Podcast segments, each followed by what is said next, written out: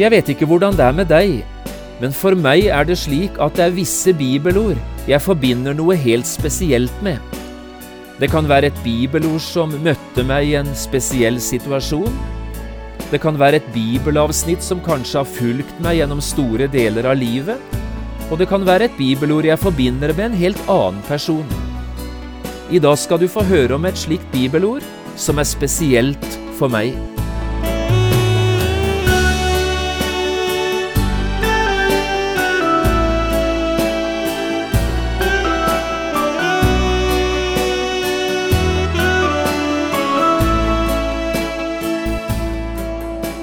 Hjertelig velkommen til et nytt program i serien Vindu mot livet. Programmet er produsert av Kristen Riksradio og blir ledet av Jon Hardang. Denne programserien er produsert med støtte fra Stray kjøkken.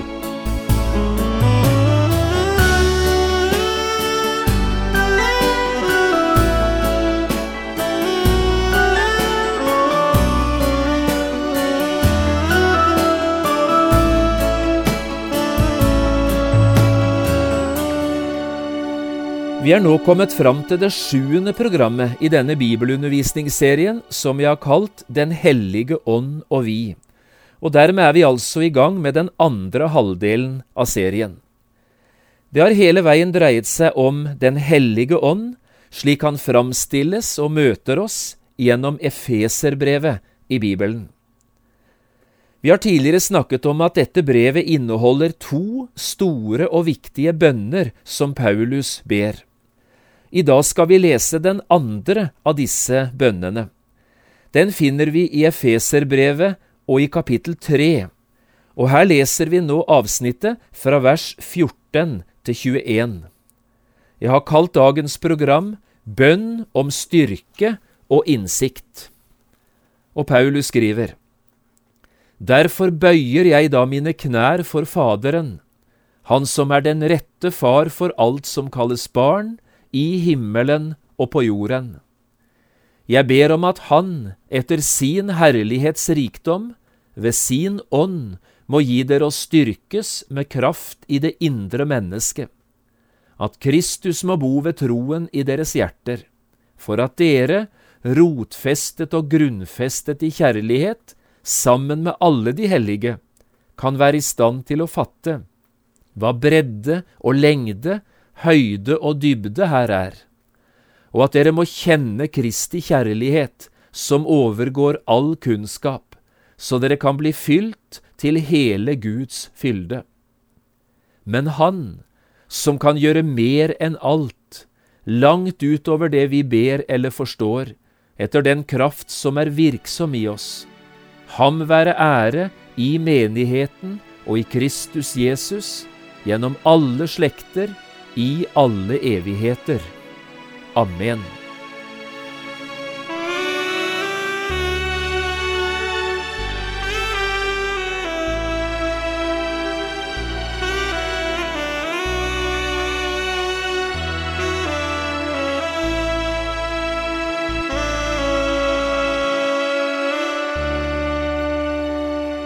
Jeg vet ikke hvordan det er med deg, men for meg er det slik at det er visse bibelord eller bibelavsnitt som jeg forbinder noe helt spesielt med. Det kan være et bibelvers som møtte meg i en spesiell situasjon. Det kan være et bibelavsnitt som på en særlig måte har fulgt meg gjennom deler av livet. Eller det kan være et bibelvers som jeg forbinder en annen person med, en som kanskje siterte dette bibelverset, eller ga meg det i en sammenheng, eller fortalte noe spesielt i tilknytning til bibelordet. Jeg vet ikke hvordan du har det, men slik er det i alle fall med meg. Det bibelavsnittet vi nettopp leste sammen, Efeserbrevet 3, 13–21, er nettopp et slikt bibelavsnitt, i alle fall for meg. Jeg er nesten ikke i stand til å lese det uten at jeg samtidig i tanke og følelse er tilbake på nattoget mellom Stavanger og Oslo en mørk desembernatt i 1984. Og i dag har jeg lyst til å fortelle deg litt om dette. Sammenhengen var denne. Året var altså 1984, og det var desember måned. Jeg var knapt 31 år gammel og ansatt som forkynner i Langesundsfjordens Indremisjonsselskap. Det vil altså si Indremisjonsarbeidet i Telemark. Hvert år på denne tiden, altså om lag midt i desember, arrangerte Indremisjonsselskapet sitt arbeidermøte i Oslo, i Storsalen, i Staffels gate 4 og på Bibelskolen. Dette året gikk jeg imidlertid glipp av arbeidermøtets første del, og det var det en bestemt grunn til. Jeg hadde nemlig lovet å være med på en førjulshelg på bedehuset Saron på Bryne. Her var det evangelisk møte på fredag, grøtfest på lørdag, og så arrangementet Vi synger julen inn på søndag. Når jeg husker dette så godt, så er det ikke fordi jeg har klisterhjerne, men fordi jeg nå har liggende en gammel sjuende sans foran meg, altså en dagbok for 1984, og her har jeg notert ned alle detaljer om slike ting som hadde med reisevirksomheten å gjøre, både hvor jeg var, og også hva jeg talte om på forskjellige samvær. Men mandagen og tirsdagen, altså like etter denne førjulshelga på Bryne, da skulle jeg være med på arbeidermøtet i Oslo. Og her var jeg bedt om å holde en bibeltime for hele den store arbeiderflokken mandag morgen den 17. desember klokka ni. Og for å kunne nå fram til Oslo mandag morgen måtte jeg da ta nattoget fra Stavanger søndag kveld. Det ankom Vestbanen i Oslo 07.15 på morgenen, og dermed var det både tid og vei så jeg kunne nå talerstolen og arbeidermøtet i Oslo denne dagen. Det var satt opp et tema og en bibeltekst i programmet for arbeidermøtet. Bønn om styrke og innsikt, Efeserbrevet 3, 14-21. Det var ikke jeg som hadde valgt tema, det var det programkomiteen for arbeidermøtet som sto for, men ansvaret for å forberede meg, det var selvfølgelig mitt. Og det er nok derfor jeg husker denne togturen så utrolig godt. Nervøs var jeg. Tankene kretset både om bibeltekst og bibeltime-tema. Jeg hadde forberedt meg godt, både vel og lenge, men kunne likevel ikke finne roen. Jeg hadde sovevogn, men hvor mange ganger jeg våknet og sovnet og sovnet og våknet og snudde meg hit og snudde meg dit, det har jeg ikke tall på. Tankene kvernet nesten uavbrutt. Bønn om styrke og innsikt, Efeserbrevet 3, 14-21, arbeidermøte i Oslo. Jeg regner ikke med det er så vanskelig å se for seg situasjonen. En liten predikant med en stor og vanskelig oppgave. Et nattog og en talestol, en sovevogn og en fullsatt storsal. Spenning, forventning og masse frykt. Ved siden av sjuende sansen for 1984 som altså ligger på skrivebordet mitt nå, har jeg også tatt fram en grønn, liten notatbok. Slike små notatbøker har jeg ganske mange av, for i en del år var det i disse bøkene jeg skrev ned bibeltimer, prekener og andakter. Her ligger på en måte manuskriptene mine samlet. Og i den notatboka som her ligger på skrivepulten, har jeg også manus for den bibeltimen jeg holdt på arbeidermøtet i Oslo, og som jeg nå har fortalt deg om. Bønn om styrke og innsikt, Efeserbrevet 3, 14-21.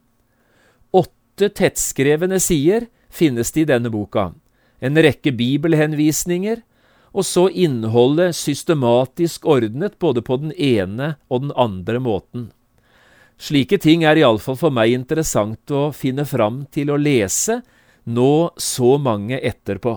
Hvordan ville jeg ha gjort det i dag, tenker jeg kanskje. Men i starten av denne bibeltimen kan jeg se i manuskriptet at jeg sa litt om Paulus som forbeder, og selvsagt om den bønnen som han ber her i Efeserbrevet 3 for sine mange gode venner i Efesus. Og i sammenheng med dette siterte jeg et lite avsnitt fra Fredrik Wisløffs bok Les selv. Den er skrevet som en studiebok med utgangspunkt nettopp i Efeserbrevet. Og det korte avsnittet jeg siterte under arbeidermøtet i Oslo, Det har jeg også lyst til å sitere for deg som hører på Vindu mot livet i dag. For det sier noe fint om den bønnen og også om den forbederen som vi møter i denne bibelteksten. Fredrik Wisløff skriver det slik. Vi får i dette avsnittet kikke inn i en forbeders lønnkammer, og intet sted i brevene finner vi en forbønn så rik som denne.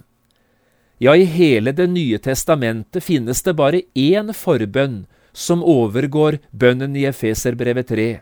Det er den vi finner i Johannes 17.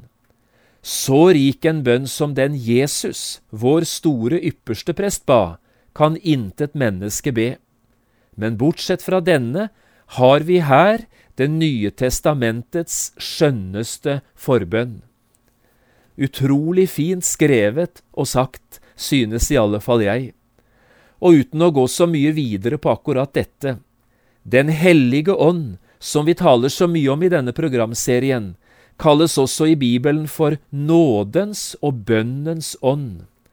Og er det noe Den hellige ånd brenner for, som nådens og bønnens ånd, ja, så er det nettopp dette å få oss på kne for Gud. Slik også Paulus sier det om seg selv to ganger i dette kapittelet, i vers 1 og i vers 14. Derfor bøyer jeg da mine knær for Faderen. Den hellige ånd er selv en av våre beste forbedere. Han går i forbønn for oss, står det i Romerbrevet 8,26, med sukk som ikke rommes i ord. Og fordi han selv har slik en tro på forbønn, og fordi han selv praktiserer forbønn på den måten han selv gjør, ja, så brenner Den hellige ånd også for å lære deg og meg hemmeligheten, og be om nåde både for vår egen skyld og for andre menneskers skyld. Den hellige ånd er altså både bønnens ånd og forbønnens ånd. I siste halvdelen av programmet i dag har jeg lyst til å stille tre spørsmål nettopp ut fra denne bønnen. Alle spørsmålene har dermed tilknytning til det bibelavsnittet som nå ligger foran oss. 1. Hvem skal vi be til? Altså, hva er bønnens retning? 2. Hva skal vi be om? Altså, hva er bønnens innhold? Og 3. Hvorfor skal vi be? Med andre ord, hva er målet for bønnen? Først litt om dette med bønnens retning. Hvem er det vi ber til som kristne? Ja, det er ikke så mye vi skal si om dette. Hvem er det vi ber til? Men selv om det ikke er så mye, så er det jo ikke mindre viktig av den grunn. Paulus sier det slik, Derfor bøyer jeg da mine knær for Faderen, han som er den rette far for alt som kalles barn i himmelen og på jorden.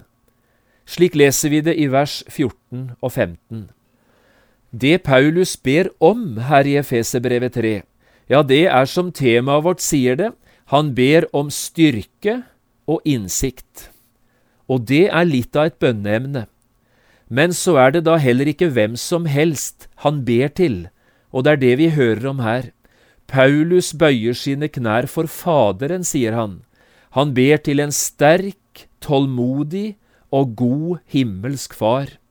Han som er den virkelige far, som representerer det egentlige farskapet i tilværelsen.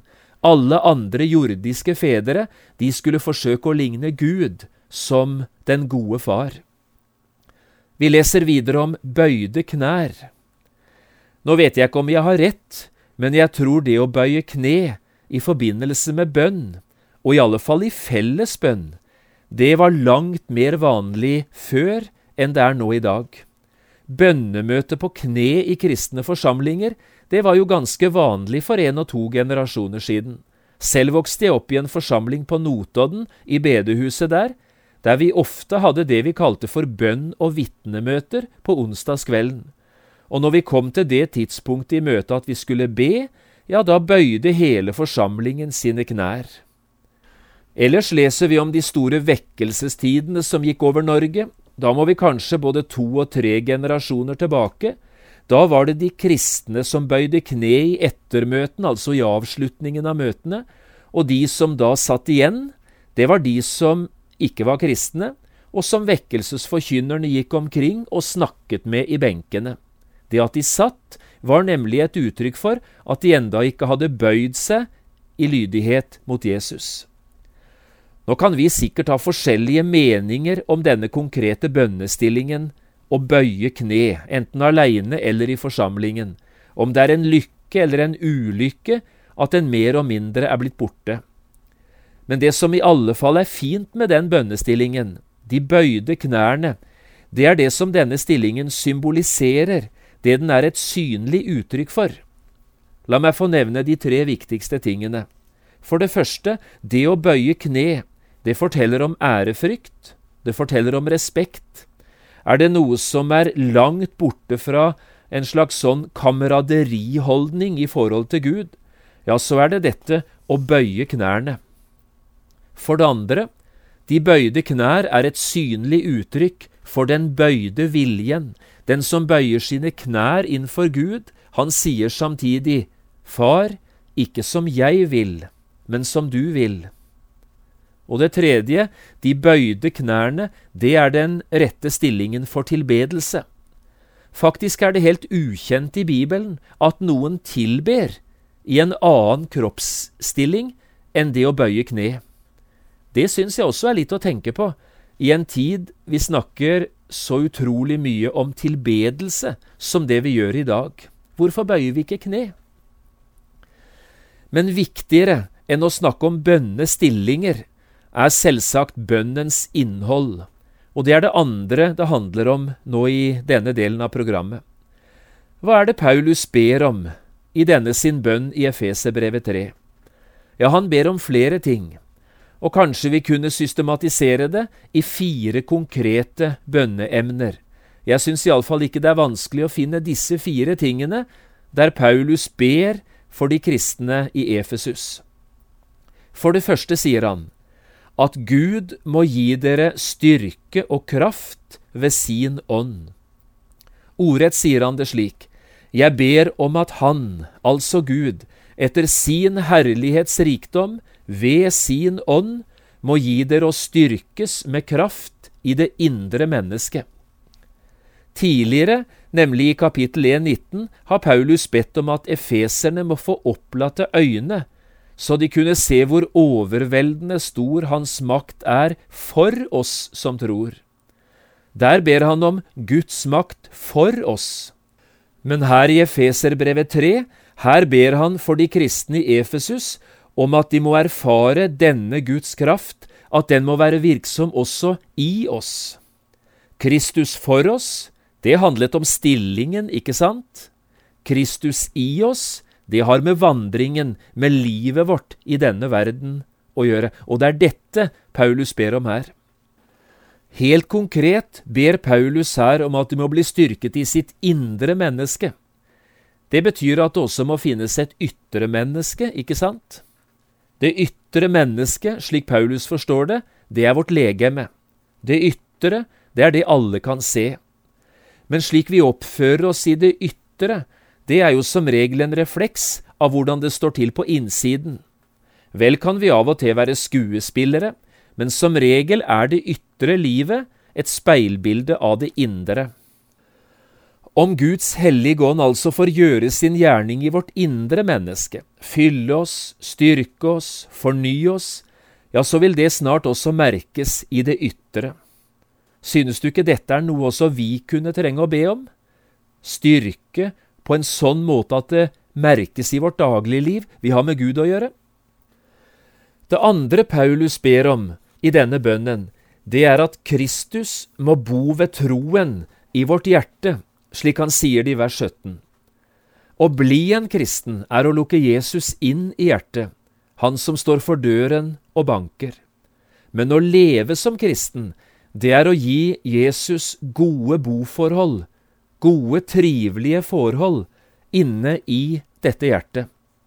Det er jo så mange ting som vil ta plassen for Jesus i hjertene våre, så mange ting som vil inn og overta kontrollen over livet, i stedet for Jesus.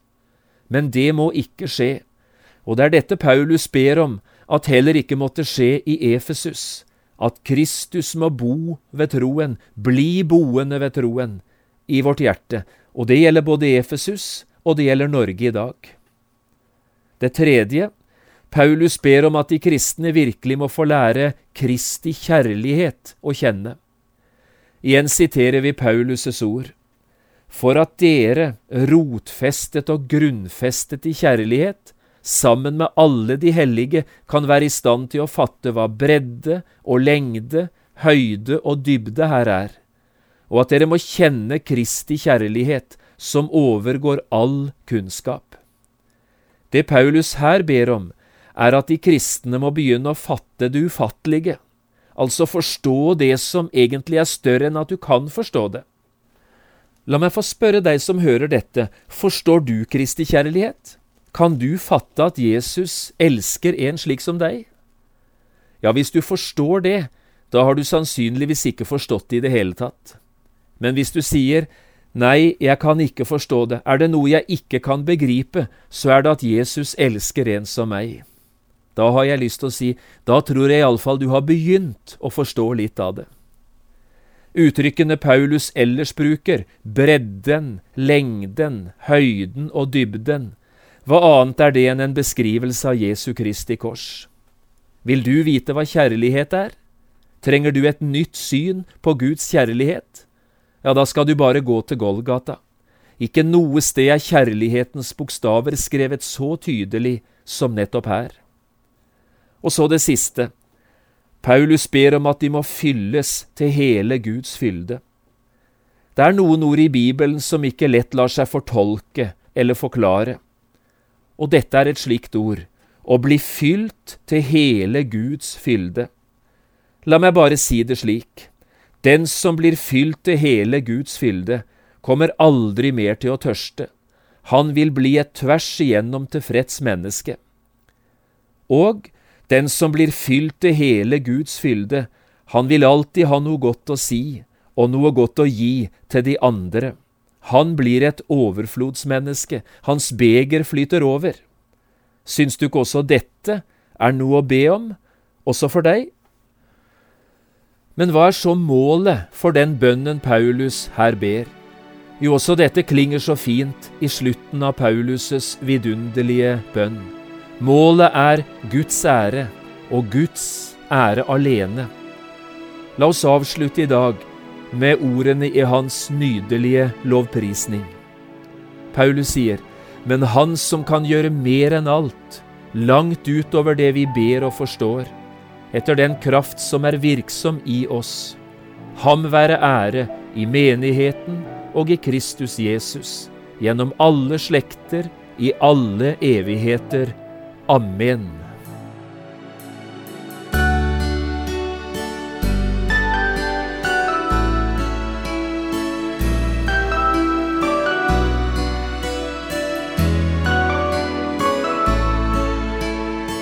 Du har lyttet til program i serien Vindu mot livet med John Hardang. Programmene i denne serien kan også kjøpes på CD fra Kristen Riksradio, eller høres på internett på p7.no. Har du spørsmål eller kommentarer til det du nå har hørt, kan du ta kontakt med oss. Adressen er Kristen Riksradio, Skiene 2, 5353 Straume. Eller send en e-post vml alfakrøll p7.no. Takk for i dag, og på gjenhør.